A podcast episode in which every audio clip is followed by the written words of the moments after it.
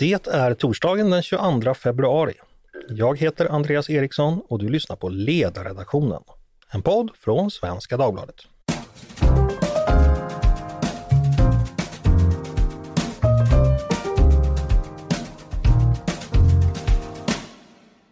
Varmt välkomna till oss igen. I fredags förra veckan fick vi veta att den ryska oppositionspolitikern Alexej Navalny dött. Navalny hade som ni vet suttit fängslat, sedan fängslad sedan 2021.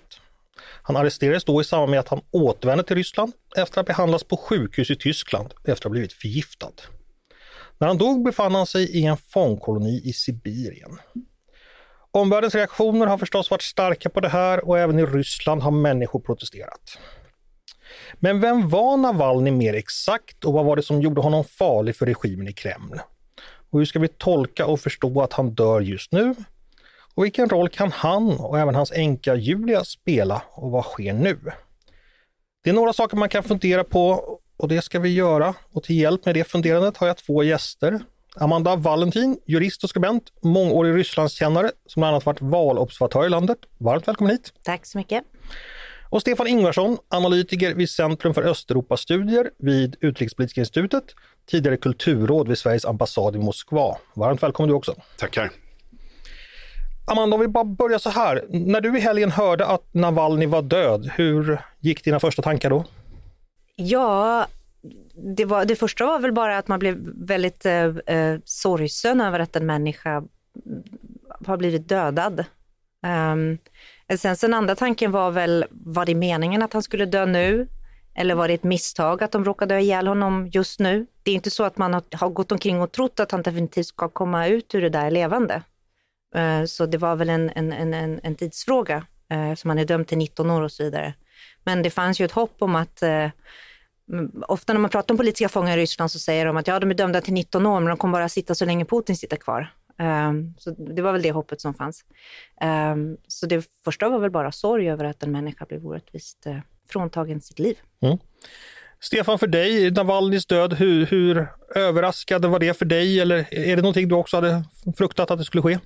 Jag har fruktat att det skulle ske hela tiden. Uh, jag tror nog att den dödsdom som han har haft hängande över sig sedan uh, förgiftningsförsöket, den den har egentligen aldrig ändrats. Eh, däremot så var det, det blir ju väldigt praktiskt. Jag satt på jobbet och tänkte nu, vad, vad, är det först, vad är det jag vill säga när journalister ringer? Vad är det, för det, det är ju det som händer för oss som jobbar med de här frågorna. Vad är det viktigaste budskapet? Och så tänkte jag att det viktigaste budskapet är ändå, vi vet bara det de vill att vi ska veta.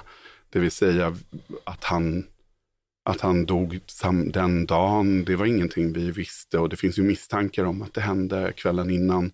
Eh, hur han dog. All, all, jag menar, eh, det tog ett tag innan vi kunde börja pussla ihop vad vi faktiskt vet på riktigt.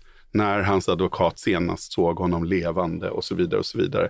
Och Det är den här känslan av att många, inklusive medier och eh, makthavare i omvärlden, fortfarande inte verkar fullt ut förstå vem vi har att göra med när vi pratar om den ryska staten idag. Det vill säga hur, liksom, i vilken grad de skulle kunna förvränga vad som faktiskt har hänt. Mm.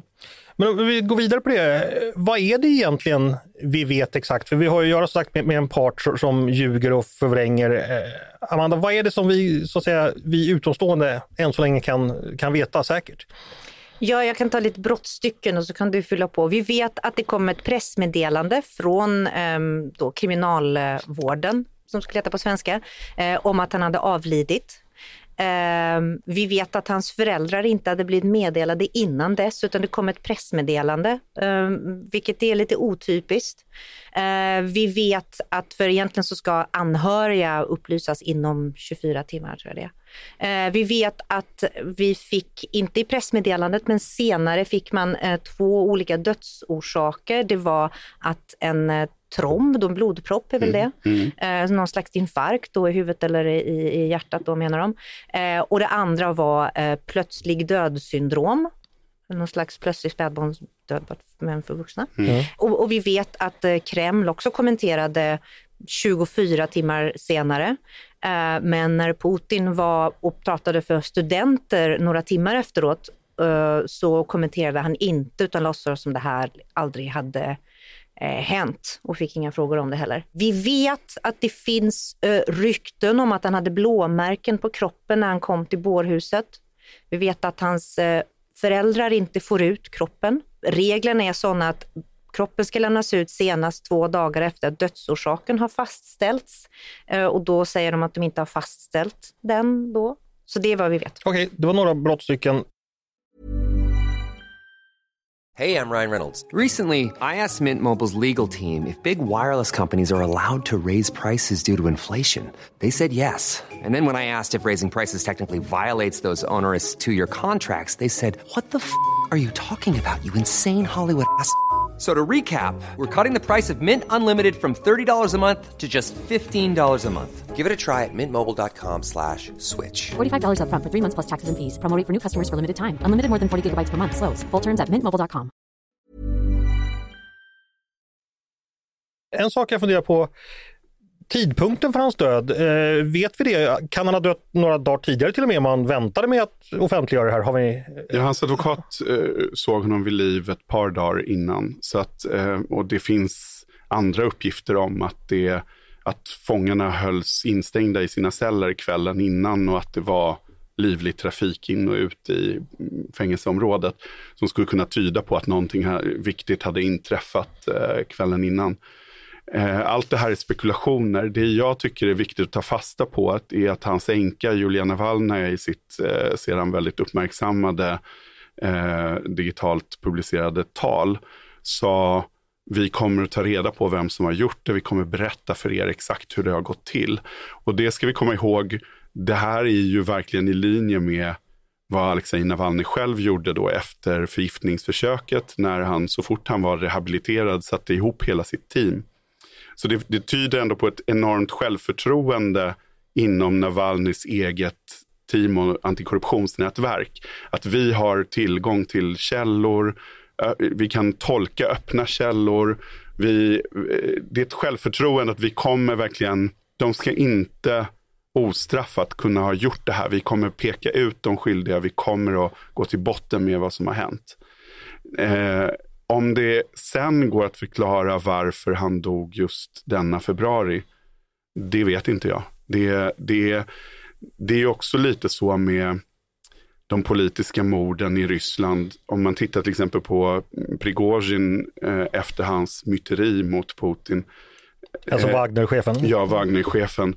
Eh, först tog ju Putin emot honom. Alltså det, det, går att göra, det går att göra paralleller till liksom vad vi vet om maffior, kanske baserat på liksom vår föreställningsvärld om organiserad kriminalitet så som den framställs i Hollywood. Men, men det är ju väldigt det är någon, ett, ett stort maktspel bakom att först bjuda in Prigozjin till Kreml och veta att det ändå är en dödsdom som hänger över honom, sen, sen dör han. Och här också, det finns någon, någon form av liksom senfärdighet i det här med att det får ta den tid det tar Kanske behövde man få honom bort från eh, det första fängelset han var i som var i närheten av en mycket större stad, halv miljon invånare, Vladimir, bort till Nentsernas ren, alltså renskötande eh, områden i norra Sibirien. Eh, där den närmaste staden är en väldigt liten ort, där det är mycket lättare att kontrollera informationen. Så det kan också bara ha varit sådana tekniska anledningar, att man behövde förbereda alla dessa omständigheter för att det här politiska mordet skulle genomföras mm. på det sätt de ville. Bara en fråga där, det är möjligtvis ett sidospår, det är möjligt att inte ni har koll på det här, men du beskrivs ju här som en fångkoloni i Sibirien och det har ju alla sina föreställningar om vad det är efter man har, läst Ivan Demisovic och Gulagarlagen. Hur ser en fångkoloni i Sibirien ut idag egentligen? Vad, vad, ska vi tänka oss för typ av eh, anstalt egentligen? Är det ett vanligt fängelse eller är det någonting annat, Amanda? Eh, det som jag ofta har chockats av i Ryssland, eh, jag har en bekant som sitter i fängelse, före detta kollega, eh, och han, han sitter inte i fängelse utan han sitter i häktet fortfarande. Och i häktet har man det fortfarande ganska okej. Okay. Men när man kommer till fängelse, det är liksom en del av straffet, det är inte bara att man ska vara frihetsberövad, utan det är att man ska lida lite. Man ska svälta lite, man ska frysa lite, man ska vara lite rädd för de andra fångarna och så vidare. Och hur illa det är, det är ju en enorm skillnad på olika fångvårds, på olika anstalter. Det beror ju på ledningen. Det finns de ställen där det är ganska okej. Okay. Där, där, mm. där, folk inte kan misshandla varandra allt för grovt och där de är lite slappa så du kanske får ha mobiltelefon och du får mm, sådär. Och sen så finns det ställen som styrs av, av, av sadistiska personer så det är ju väldigt, väldigt olika från koloni till uh, koloni. Men generellt kan man säga att det är inte bara frihetsberövande som är det straff utan du ska ha det lite dåligt också. Mm. Alltså det, det om jag får tillägga, det, det jag skulle säga om just den här SAF-kolonin är ju att den är, den är extra hård. Han har inte fått ta emot matpaket, vilket annars är ett vanligt sätt för fångar att liksom behålla vikten, eh, därför att man får inte tillräckligt mycket näring eh, i den utspisning som finns på plats. Så vi kan utgå ifrån att han var undernärd. Vi kan utgå ifrån att man ser till att han fryser. Eh, hans advokater har också berättat i det tidigare fängelset som han var i att han har då man har eh, kvarterat in honom i celler med eh, psykiskt sjuk person med våldsamma vanföreställningar under en period som skrek och liksom betedde sig hotfullt. Man har också kvarterat in honom med sjuka män, lungsjuka, smittsamt lungsjuka människor. Eh, så på väldigt många olika sätt har man försökt bryta ner Navalny. Det som är en del av hans arv nu eh, när, när han mest, alltså nu när han är död och, och, och är en symbol, det är ju att hans humor aldrig försvann, att hans humör aldrig bröts, att han fortsatte skämta, fortsatte uppmana alla andra att stå på sig. Eh, och jag tror det här medvetandet om vad han genomled och samtidigt hans leende okrossade obrottsligt liksom envisa motstånd. Det är väldigt mycket det som är budskapet och jag tror, jag är personligen övertygad om att det är därför han är död. Därför att det inte gick att bryta ner honom. Mm. Under de här tre åren han har suttit fängslad, vilka medel har han haft för att kommunicera med omvärlden, Amanda? Eh, han har ju kunnat skicka ut meddelanden via sina advokater det är väl det sättet han har kunnat eh, kommunicera. Och där har han ändå kunnat kommunicera ganska fritt. Vi vet ju inte vilken information han har fått in, men han har kunnat göra ganska tydliga politiska uttalanden. Uh, han, eh, uh, kunde, han har pro, kunnat pro, publicera programtexter, hur man ska agera inför valet, Eh, och ehm, även tidigare hur man ska eh, reformera Ryssland till och med för, för, för ett halvår sedan ungefär, eller ett år sedan kanske. Eh, och han har kunnat även reagera på vad som händer i kriget. Han har gjort uttalanden, han, såg, han satt på tv han såg och kunde titta på Butja och sådana saker. Han visste, han förstod vad som hände, han kunde publicera om det via sina advokater. Um, men man vet ju inte hur mycket information han kunde få in, förutom den statliga tvn och, och de små sakerna som hans advokater kunde tala om för honom. Mm. Och det finns Men, ju en anledning till att hans advokater sen greps. Ja, eh, eh, det är ju så att eh, de flesta av hans advokater sitter fängslade idag och än lyckades lämna landet. Hörrni, vi ska gå tillbaka lite i tiden och eh, fundera på Navalnys tidigare liv och varför han blev som han blev och vi fick komma och spela den roll han kom att spela. Amanda, kan du bara ge oss en liten kort biografi om Navalny? Eh, var kommer han ifrån och hans, hans tidigare liv fram till det att ja, förgiftningen då de flesta lärde känna honom kanske? Eh, ja, Navalnys politiska karriär började eh, i Moskva lokalpolitiskt eh, när han eh, arbetade redan då på antikorruptionsspåret skulle jag säga. Eh, han jobbade mot, tillsammans med en politiker från det liberala partiet Jabloko och så åkte de runt och protesterade mot olika illegala byggen eh, som skedde i korrupta byggprojekt i, i Moskva. Eh, och sen så engagerades han också i ungdomspolit, ungdomsdebatter. 2006, 2007 sådär, eh, så fanns det ett projekt som hette Da Debate som var Masha Gaidar, som var dotter till den före detta premiärministern, och några till som ville liksom ha debatter för att man skulle liksom ta fram pluralistisk kultur inom ungdomar som var politiskt aktiva. Och där var han lite manager mot honom eh, för henne. Eh, och han hade precis varit utpresident i USA då, sprang runt med en luftpistol och sköt på eh, nazister. Det var lite barnsligt. Så han har mog, det var över 20 år sedan. Han har mognat sedan dess. Han är född 76 ska vi säga, så då var Ja, han i precis. 30-årsåldern. Ja, precis. Han var ju faktiskt ganska vuxen redan då, men han har mognat sedan dess. Eh, och han, han är väl ett strategiskt geni, skulle jag säga, men som provat sig fram.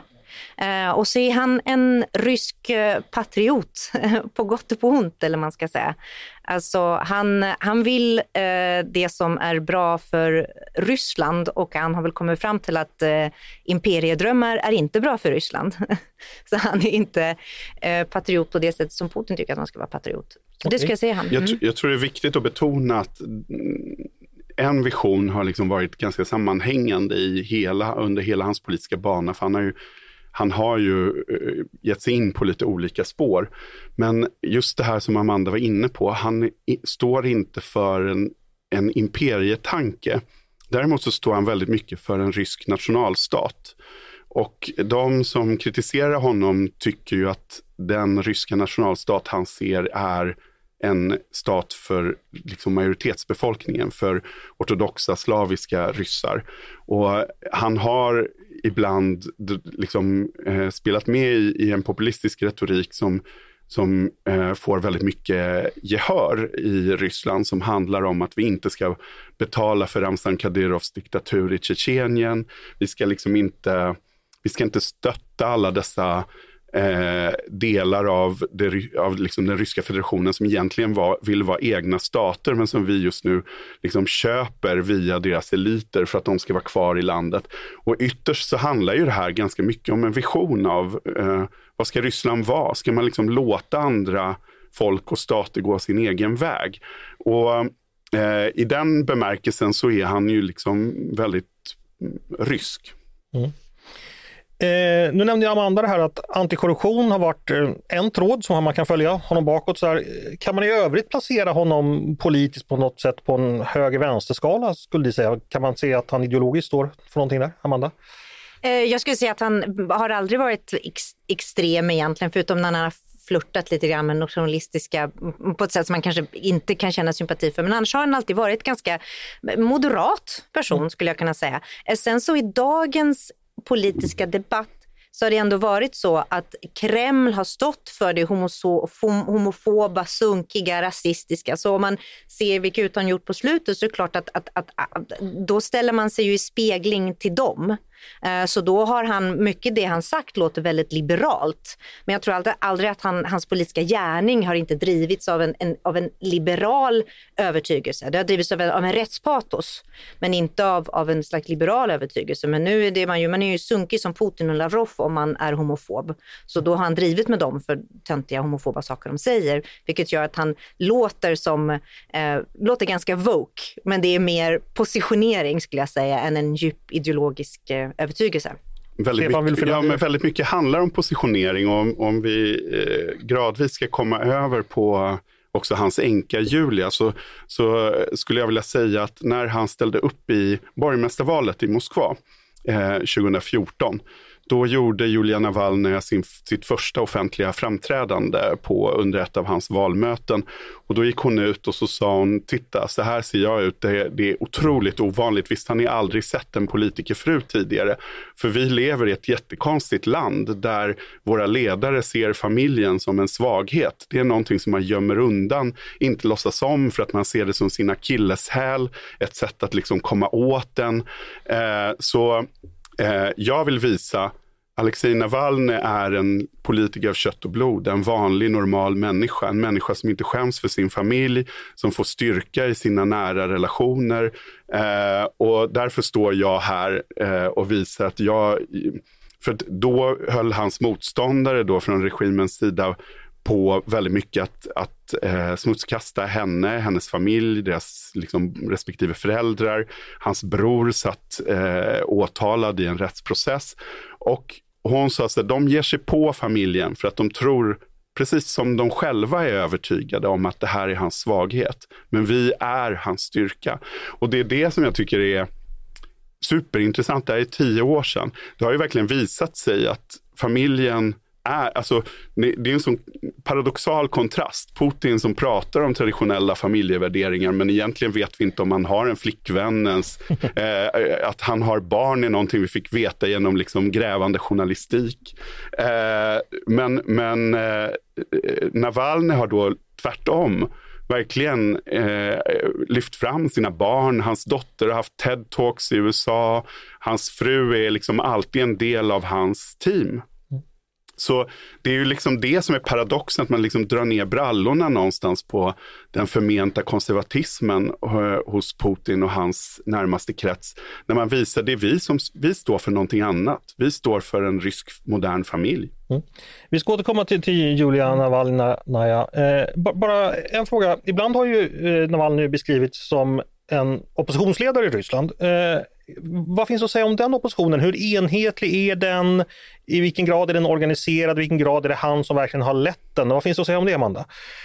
Jag tycker kanske, när man säger så, oppositionsledaren Alexej Navalny, då leder, det, det, blir, låter lite konstigt. Alltså jag skulle säga eh, ledaren för regimmotståndet, kanske mm. motståndsledaren. Mm. För att när man säger opposition, alltså när man säger så på svenska i Sverige, så en opposition är ju någon slags en politisk kraft som har en agens att ta över regeringsmakten. Det är klart att han pratar om att han vill bli president och ta över regeringsmakten, men han är ändå inte ledare för liksom en, en, en opposition.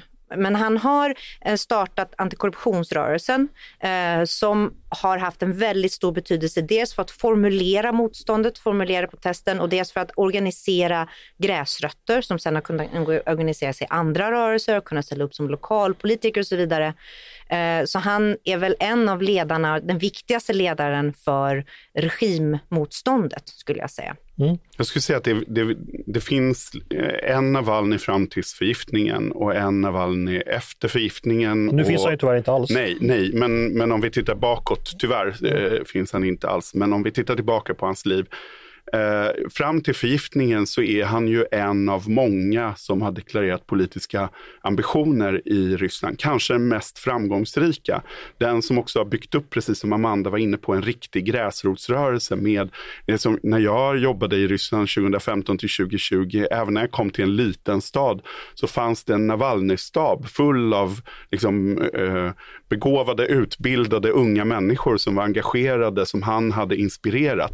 Och det är klart att väldigt många andra eh, politiker, eh, liksom oppositionspolitiker, eh, var avundsjuka på Navalny. Sen finns det ju konkreta skillnader mellan det han tänkte sig skulle vara vägen framåt och andra.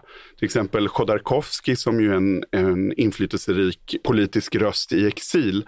Han har ju en väldigt tydlig idé om att vi måste ge exit plans till de oligarker som finns runt Putin idag. Vi måste ge dem ett löfte om att vi kommer att stryka en del av deras förbrytelser mot att de eh, jobbar för ett regimskifte. Det här är ju någonting som Navalny aldrig skulle kunna gå med på. Och, eh, så jag tycker att det är viktigt att liksom poängtera att i början så är han en av många politiker, kanske mest framgångsrika. Eh, den som verkligen bygger upp en organisation i hela landet. Och där är han ju en konkurrent till många. Sen kommer förgiftningen och sen är det hans dramatiska återvändande till Ryssland där han vet att han kommer bli fängslad, blir fängslad följdriktigt, hamnar i fängelse.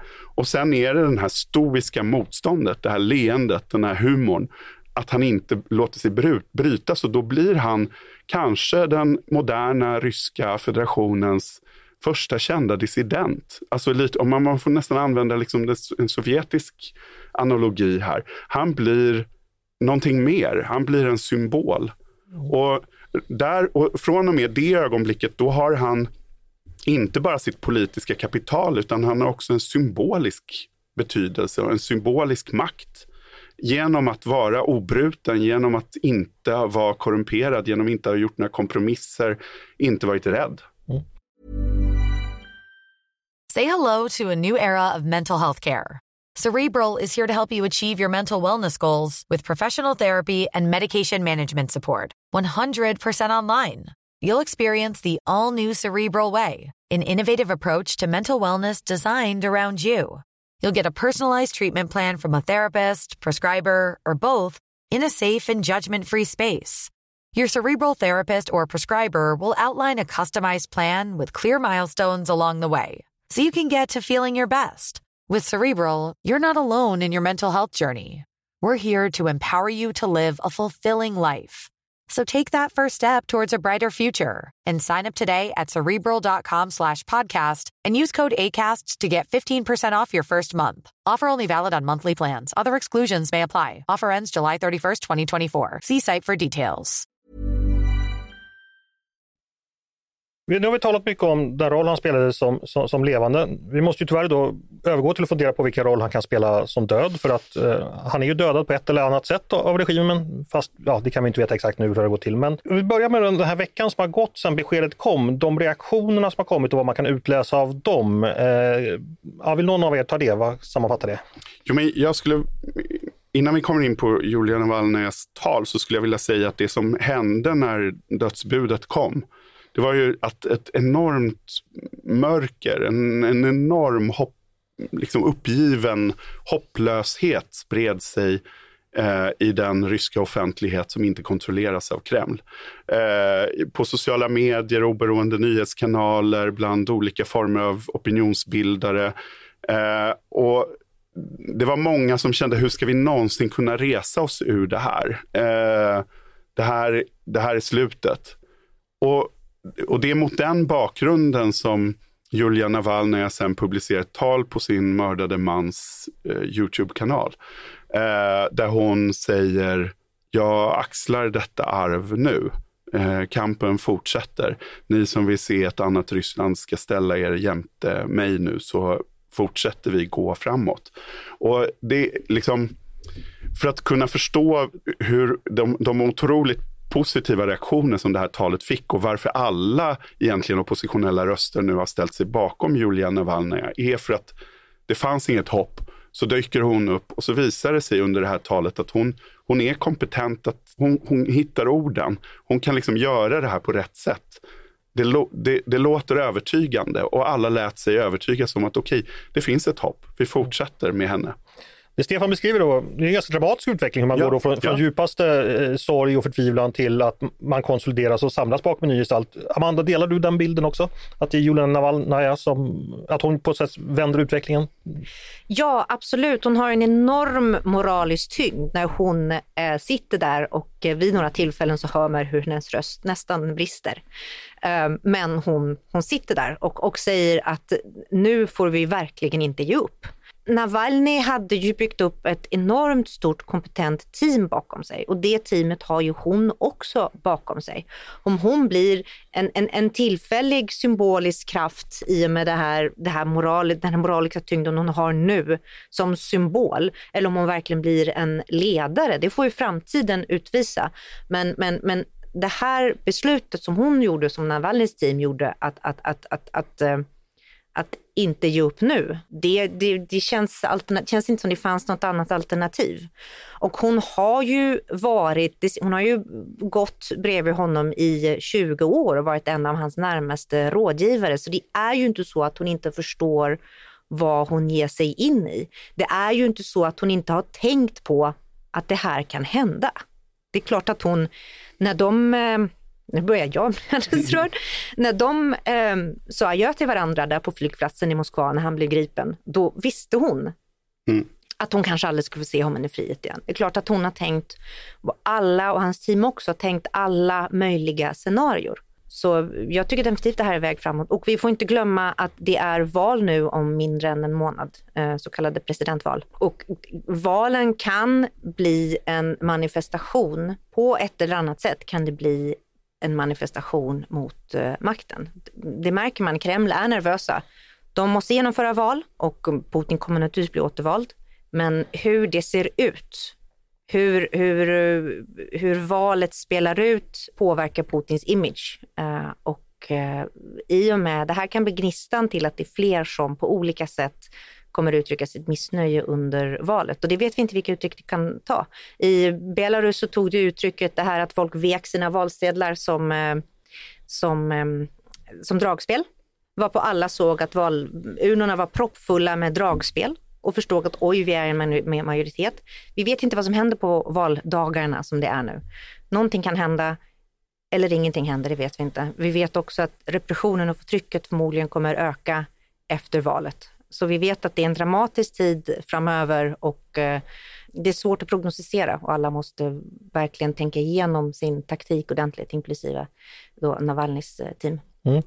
Eh, Julia Navalny beskriver att hon har varit med i 20 års tid. Hon har jobbat här. Eh, Stefan, vill du bidra med ytterligare? Vad vet vi om henne och hennes roll och vilka roll hon kan spela i framtiden? Jag skulle säga att hon har ett annat S i rockärmen och det är att hon är underskattad. Många verkar ha köpt den här bilden som skapades då för ungefär tio år sedan av en eh, lojal hustru som brer mackor och tar hand om barnen.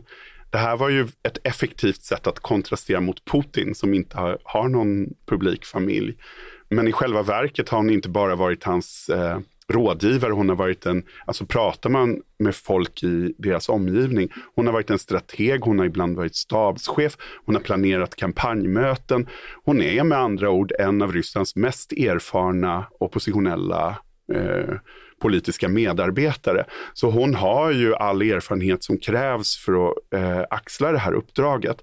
Sen eh, skulle jag också vilja säga att det finns en, en, en märklig paradox. Du nämnde Belarus, men tre och ett halvt år sedan hände ju egentligen en snarlik eh, utveckling där. När eh, Tichanovsky, som eh, var en opinionsbildare som såg ut att vinna presidentvalet, fängslades och med kort varsel, med liksom, på väldigt kort, dramatisk händelseutveckling som gör att hans fru Svetlana, som ju inte alls hade en politisk erfarenhet överhuvudtaget, eh, vann presidentvalet i Belarus, tvingades i exil. Hennes man sitter fortfarande i fängelse vad vi vet. Vi har inte sett några livstecken från honom på ett år. Eh, men hon har ju under de här tre åren visat sig vara ett fantastisk, en fantastisk representant för demokratirörelsen i sitt land. Och nu plötsligt så får även hoppet om ett eh, demokratiskt och fritt Ryssland ett kvinnligt ansikte genom en liknande dramatisk vändning. Jag ska passa på att säga då att jag hade ju Svetlana Tiskanorska som eh, gäst i podden. Jag tror det var, det var några år sedan, men det finns att lyssna på fortfarande om man vill höra hur hon pratade och resonerade då. Jag har, jag har en fråga, den är väldigt övergripande och den är säkert väldigt okunnig, men eh, jag kan ibland få uppfattningen att vi som hoppas på, på förändringar i Ryssland så här, ibland får lite nedslående uppgifter att, att man, man, ska inte ha för höga förhoppningar för att regimen har ändå sånt grepp och att Putin är ändå ganska populär och att de, folk sitter hemma och ser de här statliga tv-sändningarna och tror ändå på Putin, den stora massan. Vad tänker ni om det? Är vi utomstående, är vi ibland för naiva eller är det tvärtom så att vi inte ser vilka möjligheter som ändå finns inom en eh, framtid? Vad säger du Amanda, om du ska försöka ge oss lite vägledning. Min främsta identitet är ju valobservatör. Mm. Eh, och eh, jag följer ju just utvecklingen i Ryssland när det gäller val väldigt, väldigt nära och de olika sätt som man analyserar och observerar valen på i Ryssland. Det finns olika sätt att verkligen förstå vad det är som händer, vad det är som händer i vallokalerna.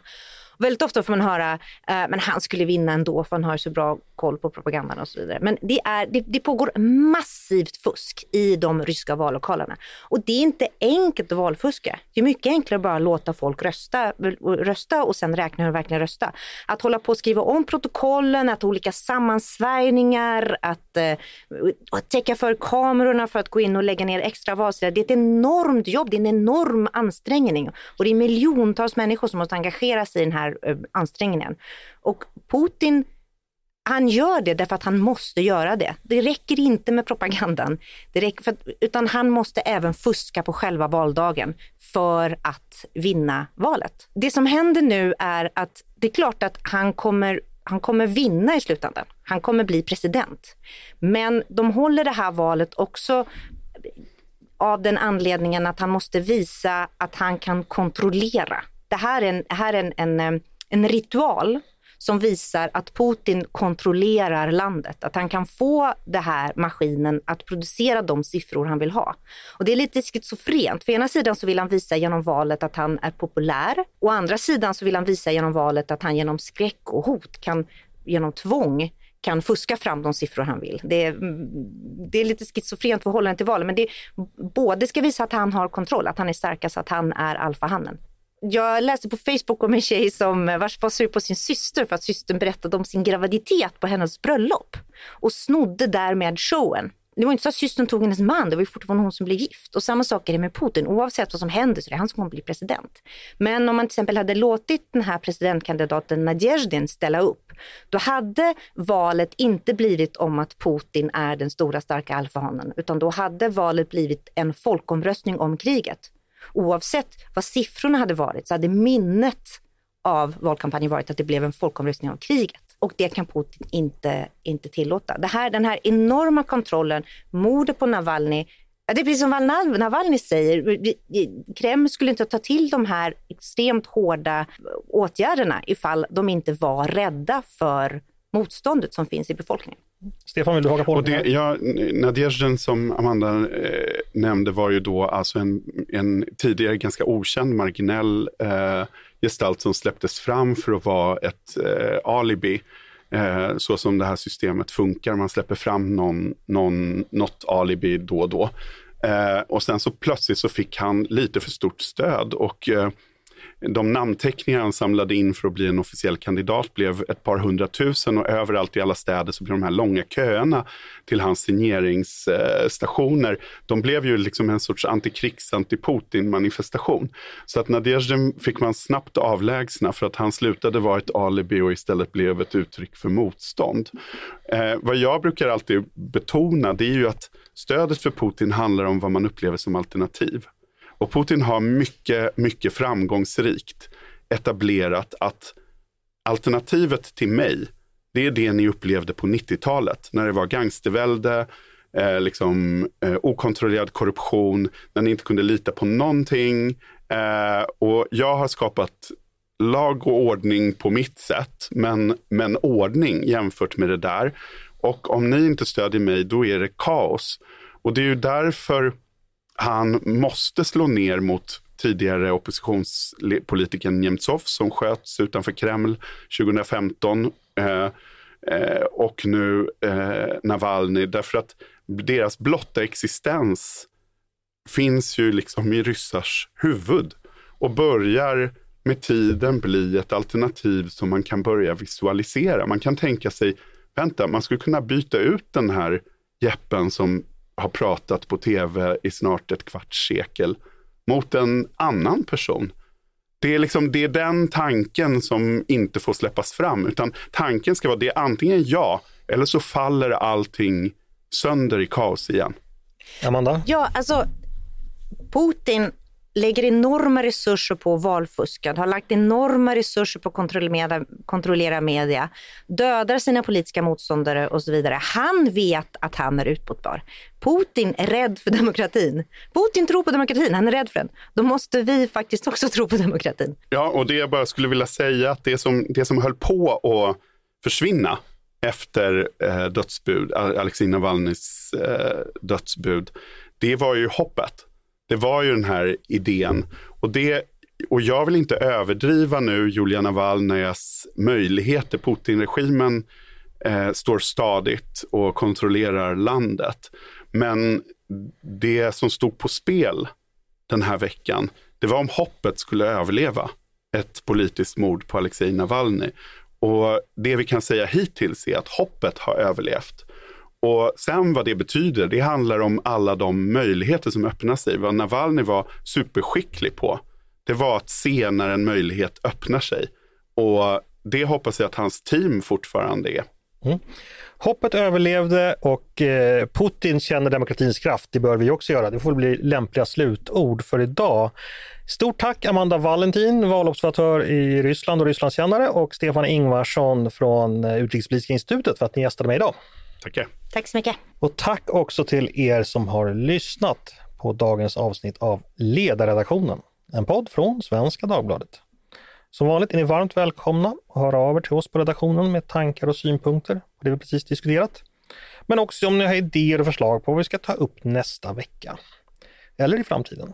Då är det bara att mejla till ledarsidan snabla svd.se. Dagens producent, han heter som vanligt Jesper Sandström jag heter som vanligt Andreas Eriksson och jag hoppas precis som vanligt att vi hörs snart igen.